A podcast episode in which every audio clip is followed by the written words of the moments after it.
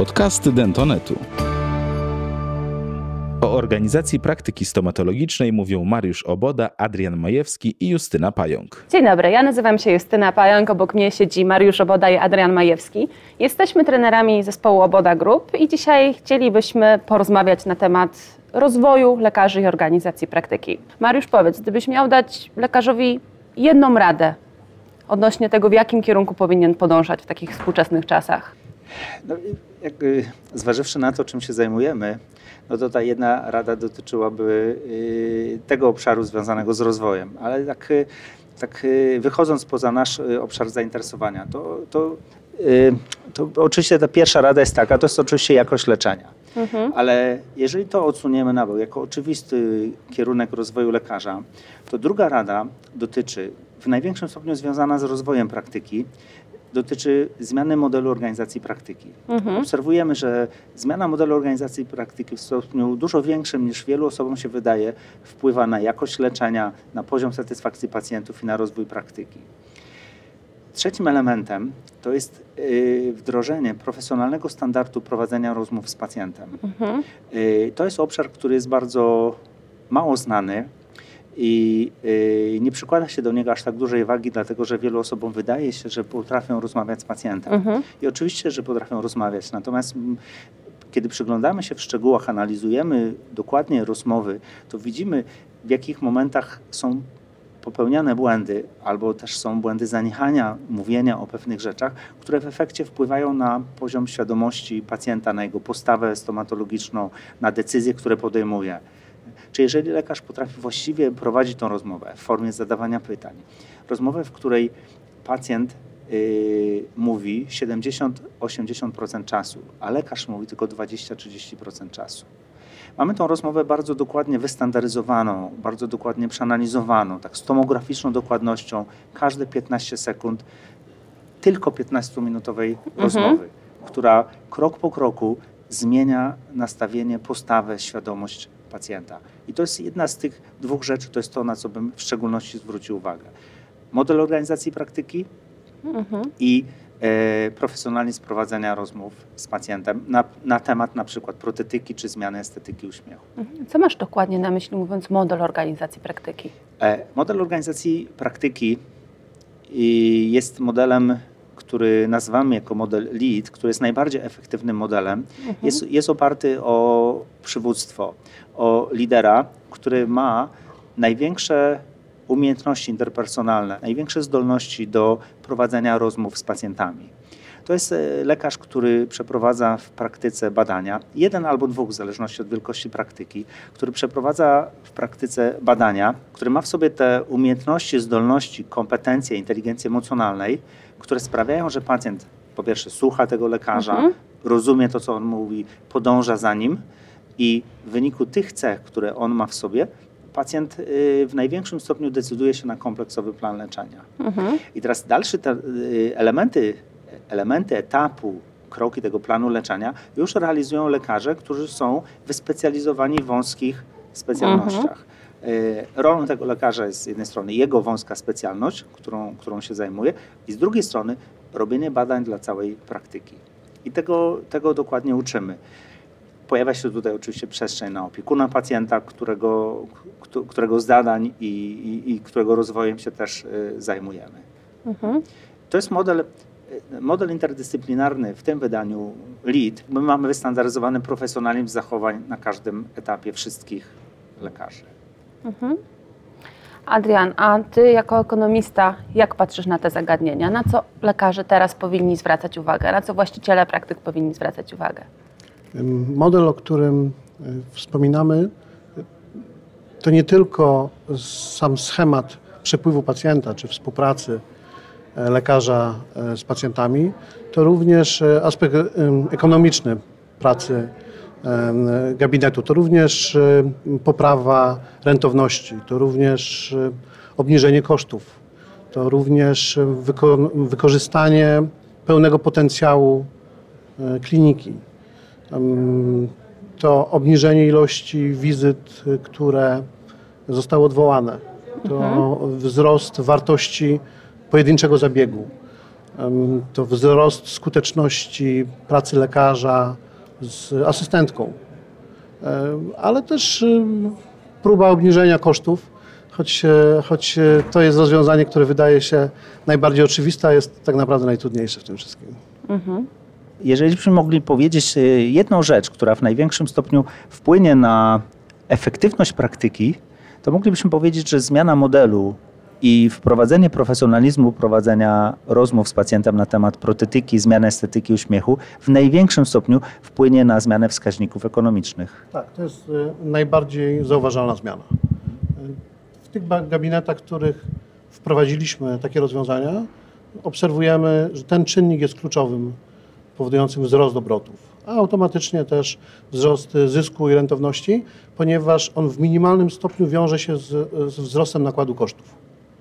To jest najlepsze z możliwych rozwiązań. Nie rosną koszty, rosną obroty, rośnie zysk.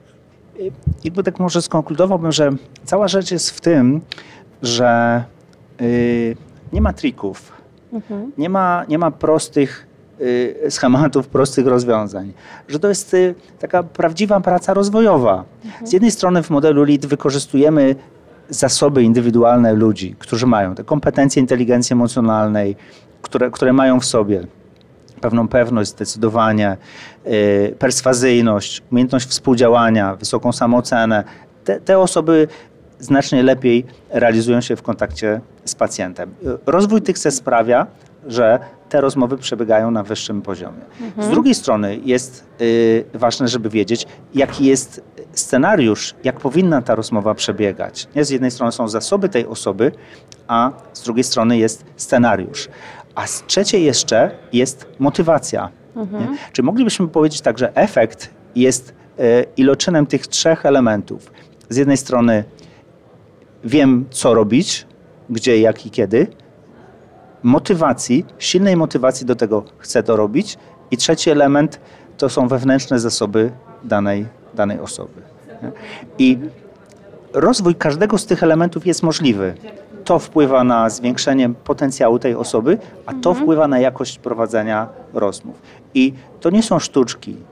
To nie są takie elementy obsługowe. To jest prawdziwy rozwój ludzi. Zmiana ludzi na poziomie mentalności, na poziomie świadomości, na poziomie umiejętności.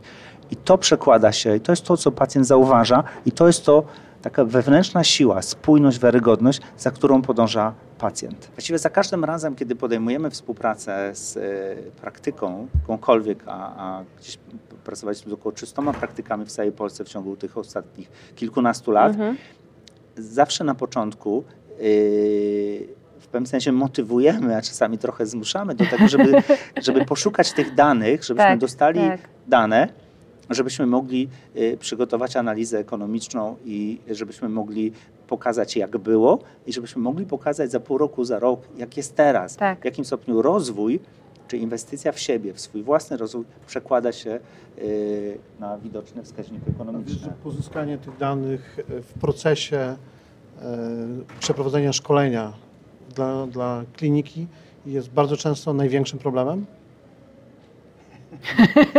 Nawet nie dogranie grafików poszczególnych lekarzy, żeby mieli wolny czas, tylko pozyskanie danych do analizy. To jest w bardzo wielu przypadkach największy problem przy organizacji szkolenia zamkniętego. Mogę powiedzieć, co to świadczy o tych klinikach? No na pewno, że potrzebują pomocy. Potrzebują pomocy. Też, też na poziomie zarządzania. To też prawda, na poziomie to zarządzania. Jakby standard zarządzania jest taki, żeby zarządzać, trzeba wiedzieć, gdzie się jest i trzeba Mhm. wiedzieć, gdzie się chce dojść. To są twarde dane, czytaj w tym przypadku, to są wskaźniki ekonomiczne. One są tak. dzisiaj takie, tylu mamy pierwszorazowych pacjentów, tylu mamy kompleksowych planów leczeń, taką mamy strukturę prac, taki mamy średni czas zabiegu, tyle mamy zabiegu, tyle pacjentów dane, od danego lekarza jest skierowanych do higienistki, od drugiego jest inny. Takie są wskaźniki ekonomiczne jednego lekarza, wskaźniki efektywności jednego le- lekarza A, lekarza B, lekarza C, lekarza D i tak dalej, i tak dalej. Ale więcej, możemy porównywać te wskaźniki w różnych okresach czasu, ale możemy porównywać e, również się do rynku. Tego, jak wygląda poziom obrotu na fotel na przykład, który jest takim uniwersalnym wskaźnikiem. Czyli zobaczyć, w jakim miejscu jesteśmy w stosunku do naszej konkurencji. Jaką mamy pracę do wykonania. Tak, bo to wynika z tego, że y, przeanalizowaliśmy dane finansowe 68 praktyk i na tej podstawie stworzyliśmy, można powiedzieć, średnią. Tak, tak. Przy czym e, odnieśliśmy to zarówno do średnie są zarówno przygotowane dla e, lekarza, jak i właśnie dla fotela. Dlatego, że z, e, z uwagi na różnicę wielkości gabinetów, no, zestawienie gabinetu trzystanowiskowego z, pięciu, gab- z pięciostanowiskowym nie oddawałoby rzeczywistości. Przyjęliśmy model, w którym odnosimy się do jednego fotela i wiemy, ile statystycznie lekarzy pracuje na jednym fotelu, ilu pacjentów przychodzi, jaka jest liczba pacjentów pierwszorazowych, jaka jest liczba powrotów, e, ilu pacjentów e, rekomenduje e, klinikę kolejnym pacjentom. To wszystko i dzięki temu mamy porównywalność. pomiędzy Dzięki temu te wskaźniki można porównywać. Ja wiele, wiele lat temu stworzyłem wskaźnik efektywności lekarza. To jest obrót po- podzielony przez ilość zakontraktowanych godzin, właśnie między innymi po to, żeby można było go porównywać pomiędzy różnymi praktykami. Obroty lekarzy są nieporównywalne, bo e, od od ilości dni, specjalizacji od też. specjalizacji, od ilości dni i, i, i ile dni lekarz pracuje w danej praktyce, to wiadomo, że to będzie wpływało na obrót. Natomiast wskaźnik jest porównywalny niezależnie od tego, czy lekarz pracuje jeden dzień w praktyce, czy dwa dni, czy, czy, czy pięć dni. Te wskaźniki można porównywać, bez względu na to też w jakiej praktyce pracuje. I ten wskaźnik e, efektywności em, jest najszybszym, e, najszybszym filtrem e, jakości pracy lekarza. Oczywiście później dokładamy kolejne, które, które To jest może nie tyle jakości, ile takiej efektywności. Nie? Tak, żebyśmy też rozróżnili jakość, y, jakość leczenia, która jest tym absolutnym punktem numer jeden, nienegocjowalnym, ale później pojawiają się inne elementy, takie jak też efektywność. nie pokazują jakości leczenia. Tak więc tutaj, tutaj, tutaj jest jasność. Tak. Efektywność jako, jako wyjście, jako punkt wyjścia do pozostałych obliczeń. Lekarz prowadzący ma dwa zadania. Z jednej strony zajmuje się jedną specjalnością, na przykład protetyką i realizowaniem y, i prowadzeniem badań. Czyli tworzy plany leczeń dla wszystkich, y, dla całego swojego zespołu. Ta specjalność, czy to będzie protetyka, czy, to, czy może być to lekarz od, y, mm, specjalizujący się w stomatologii zachowawczej, też jest to możliwy scenariusz. Wydaje się, że lekarz, który miałby doświadczenie w protetyce, widzi całą, całość leczenia najbardziej holistycznie. Natomiast oprócz tego y, to, jest, to jest niewątpliwie osoba, która ma, y, ma największy potencjał właśnie do, do rozmów z pacjentem. I, i, I on wtedy realizuje, zostawia sobie tą część protetyki, którą decyduje sobie zostawić. Być może nawet prostszą protetykę oddaje innym lekarzom, ale dzięki temu, dzięki jego pracy cały zespół ma kompleksowe leczenia. Czy tworzymy teamy, które są bardzo efektywne w swojej pracy. To, co powiedziałeś, że zmniejszają się koszty, zwiększa się efektywność pracy tego zespołu. Jest to, jest to mierzalne. W prosty, w prosty sposób, porównując dane na przestrzeni kilku miesięcy, e, to nie jest tylko model, który jest zauważalny dla pacjenta, ale jest to model, który w bardzo w prosty, w łatwy sposób jest też zauważalny dla właściciela. E, Porównywanie, e, zestawianie e, wyników efektywności pracy przed wprowadzeniem modelu oraz, oraz po kilku miesiącach jego funkcjonowania, no bo musimy pamiętać, że ten pierwszy okres, pierwszy miesiąc to jest, to jest ten moment, w którym lekarz wiodący prowadzi więcej rozmów, które przynoszą efekt za kilka tygodni. Więc na porównywanie, to jest zresztą to jest coś, o czym od dawna mówimy, że porównywanie w cyklach kwartalnych jest, jest, jest bardzo dobrym rozwiązaniem i tutaj, i tutaj błyskawicznie widać zmiany po zastosowaniu tego modelu. Ale też umówmy się, tutaj według mnie bardzo istotna jest rola opiekuna pacjenta, bo e, pacjenci i ludzie w ogóle mają tendencję do tego, by przywiązywać się do jednego konkretnego człowieka, tak? do jednego konkretnego lekarza. Tutaj pacjent jednak ma kontakt z szeregiem różnych osób, e, więc opiekun pacjenta wtedy jest takim łącznikiem, który pozwala na to, by pacjent czuł się ciągle związany z kliniką, z gabinetem, mimo tego, że przechodzi, można powiedzieć, przez szereg różnych rąk. Bo to jest jeszcze ważne podkreślić. Naszym celem jest to, żeby osiągnąć taki efekt w, prak- w praktyce, że pacjent zaczyna i kończy kompleksowe Tak. leczenie zachowawcze, endodontyczne w ciągu umownych trzech miesięcy. I to powinno być celem całego zespołu. Pytaliśmy właścicieli na jakiej podstawie budują cennik. Przewijają się dwie główne odpowiedzi. Pierwsza z nich to jest, e, porównują się do konkurencji najbliższej, a druga z nich e, to taka, że modyfikują te ceny konkurencji o taki czynnik swojego doświadczenia. No I uważają, że znają się na tym dobrze, to mogą dorzucić 5% albo 10%. e, I to są, to są dwa główne elementy. Czyli możemy założyć, że w większości e, klinik, przynajmniej tych, z którymi pracujemy, czy rozpoczęliśmy pracę, e, funkcjonowało to w ten sposób, że e, budowali ceny na podstawie przeczucia. Tylko i wyłącznie. No tak. No i podobnie jest z innymi elementami, gdzie to przeczucie jest, jest, jest kluczowe. My jesteśmy za tym, czy ja optuję za tym, aby, aby mm, wspierać swoje działania za pomocą liczb. Czyli najpierw policzmy, nie domyślajmy się, tylko zobaczmy, jak to wygląda rzeczywiście, a dopiero potem wyciągajmy wnioski. Policzmy koszt zabiegu, policzmy koszt wejścia pacjenta, koszty, który gabinet ponosi, kiedy pacjent nie przyjdzie na wizytę, a potem konstruujmy cennik. E, Dzięki temu, e, ale również, ale również poznajemy strukturę, strukturę zabiegów, które wykonujemy. Bo klinika, która e, nie wie, co, w czym się specjalizuje, bo, bo tego nigdy nie policzyła wcześniej, no jak może zbudować dobry cennik? Czasami, czasami bywa tak, że, że osoby, które e, obliczają ceny, e, potrafią w bardzo, w bardzo krótki sposób pokazać, e, że, że zmiana ceny jednego czy dwóch zabiegów ma olbrzymie przełożenie na e, cały obrót praktyki. I tutaj e, pytasz, czy, czy, czy warto zbierać dane. No, Według mnie to jest jeden z podstawowych obowiązków każdego zarządzającego. Jeżeli oczywiście praktyka ma menadżera, to jest o niebo łatwiej, bo to jest jego obowiązek. Natomiast jeżeli e, zarządzającym jest lekarz, właściciel, to jest to, jest to pracochłonne, więc, więc trudniej, trudniej jest ten proces przeprowadzić, ale może wytypować osobę, która, która, będzie, to, która będzie to robić. Aby, aby móc prowadzić obliczenia i zestawiać zmiany, no musimy mieć dane. Jeżeli tych danych nie zbiera, nie są zbierane, to, to nie sposób jest obliczyć e, e, no, wskaźniki po prostu, a wskaźniki pozwalają nam wyciągać wnioski. A na podstawie wniosków podejmujemy decyzje. Nie mając wskaźników, decyzje są tylko na podstawie tego, co nam się wydaje. E, Jakiego rodzaju dane powinny być dla właściciela najważniejsze? Oczywiście nie chodzi o to, żeby zbierać wszystko. E, Powinny być to informacje o ilości przepracowanych godzin, o ilości godzin zaplanowanych, o tych e, zabiegach, które, e, struktura zabiegów, ile zabiegów zostało wykonanych, ale również takie, takie informacje jak ilość pacjentów pierwszorazowych.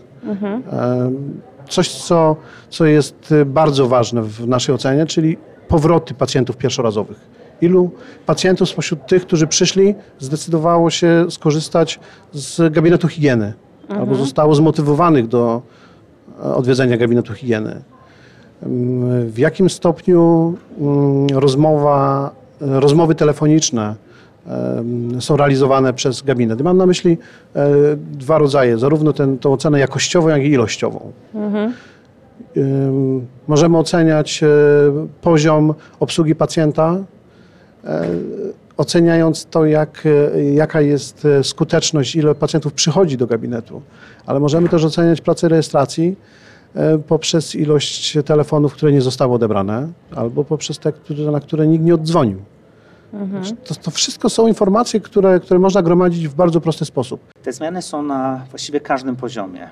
Od satysfakcji lekarza, który czuje w sobie tą siłę prowadzenia, czuje w sobie siłę zdolności do zmieniania świadomości pacjenta. Że jakby ten, ten lekarz jakby za, zaczyna mieć taką lekkość w prowadzeniu tych rozmów. To nie są rozmowy sprzedażowe. Tak. Bo sprzedażowe rozmowy najczęściej mają miejsce wtedy, kiedy lekarz, nazwijmy to, próbuje sprzedać pacjentowi plan leczenia. Pacjent nie jest na to go gotowy. Ewidentnie to widziałem dziesiątki razy, że pacjent nie jest gotowy na ten plan leczenia, że nie jest jakby mentalnie na niego przygotowany. On ma tą potrzebę, ale nie jest na nią przygotowany. Natomiast ten lekarz prowadzący potrafi najpierw przygotować pacjenta, jakby interweniować na innym poziomie niż instrukcja behawioralna, czy tutaj plan leczenia i tam zbudować pewną świadomość pacjenta. Można by to obrazowo powiedzieć, że bardzo często pacjent, który przychodzi do lekarza ma taką świadomość. Natomiast lekarz widzi taki plan leczenia. Co robi? Próbuje ten plan leczenia wsadzić w tą świadomość. To się nie udaje. W związku z tym próbuje to robić kawałkami. No to po jednym, drugim kawałku gdzieś ten pacjent znika. I, I w ilości tych pacjentów czasami zapomina się, że zostały jeszcze pewne elementy. Mhm. E, Więc to co, to, co robimy, co jest najwłaściwszą drogą, to jest najpierw poszerzenie świadomości pacjenta, a w tą zmienioną świadomość wchodzi ten plan leczenia. Więc to, są, to, to jest ta pierwsza zmiana. Jest dużo większa, dużo większy poziom satysfakcji pacjenta, Mhm. e, ponieważ on jest cały czas pod kontrolą, jest jakby prowadzony, wie, co będzie na kolejnej wizycie, z kim się spotka na kolejnej i tak dalej. I taką Mhm. rolę spełnia opiekun. E, A może jedną z najważniejszych rzeczy tych korzyści jest to, że ten pacjent w ciągu tych trzech miesięcy będzie miał naprawdę wyleczone wszystkie zęby. Tak. A potem będzie miał y, być może zmieniony uśmiech, bo Mhm. protetyka to nie tylko oczywiście uzupełnienie zębów, tylko zmiana estetyki uśmiechu.